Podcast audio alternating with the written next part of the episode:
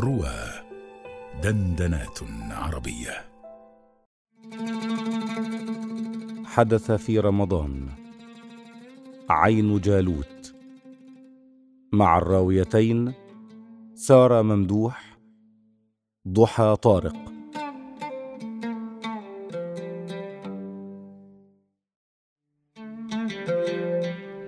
في مثل هذا اليوم في السادس والعشرين من رمضان لعام ستمائة وثمانية وخمسين من الهجرة وقعت معركة عين جالوت والتي كانت معركة فاصلة في تاريخ العرب والمسلمين والتي أدت إلى توحيد مصر وبلاد الشام تحت حكم سلاطين المماليك على ما يزيد عن 270 عاماً. لم يكن الزحف الغربي الصليبي مجرد احتلال يهلك العباد ويسرق خيرات البلاد بل كان يرنو إلى ما هو أبعد من ذلك.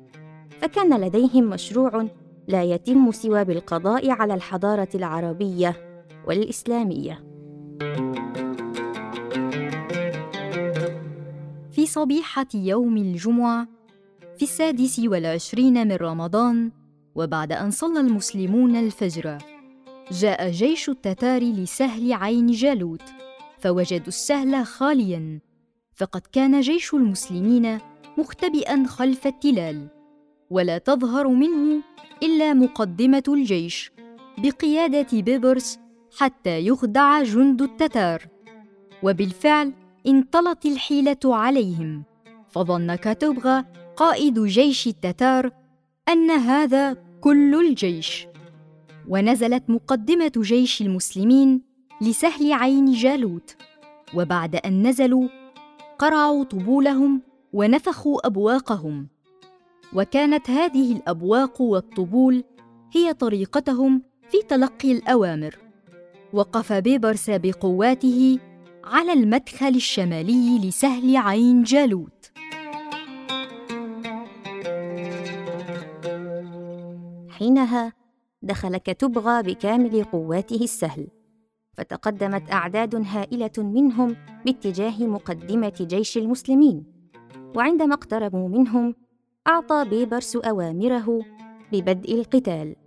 فانطلقوا باتجاه جيش التتار وتعالت دقات الطبول وارتفعت سحب الغبار واحتدم القتال.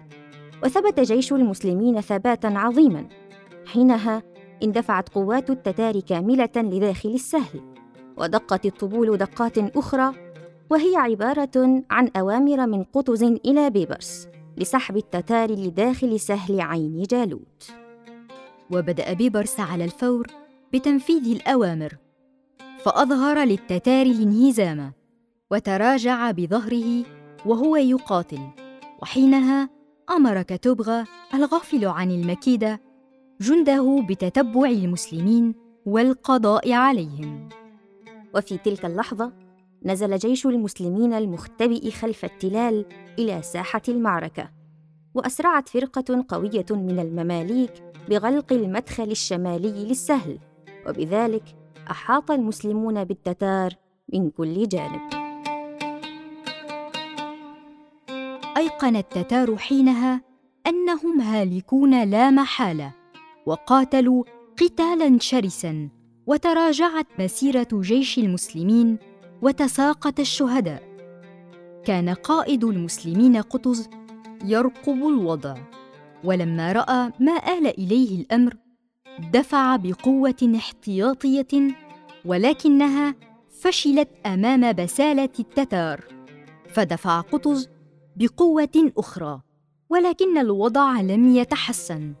فنزل قطز لأرض المعركة بنفسه وأخذ يصيح واسلاماه واسلاماه فالتهب حماس المسلمين واحتدم القتال وقطز في أرض المعركة يقاتل بكل بسالة وشراسة. وبدأت الكفة تميل ناحية المسلمين وقتل كتبغى وقتلت معه عزيمة جنده. وأصبحوا يقاتلون ليفتحوا لأنفسهم طريقا للهرب وبالفعل استطاعوا فتح ثغرة في المدخل الشمالي وخرجت أعداد كبيرة منهم وخرج المسلمون في طلبهم. وعندما اقتربت فلول التتار من مدينة بيسان أخذوا ينظمون صفوفهم ولحقهم المسلمون ودار بينهم قتال عظيم ودارت الدائرة لهم. فأعاد قطز مقولته وأخذ يصيح بالمسلمين وإسلاماه! وإسلاماه! وكانت هذه الكلمات دفعة معنوية قوية للمسلمين. فأقبل الجند على القتال ورجحت كفة المسلمين وأحدثوا بالتتار مقتلة عظيمة. رحم الله سيف الدين قطز وشهداء المسلمين.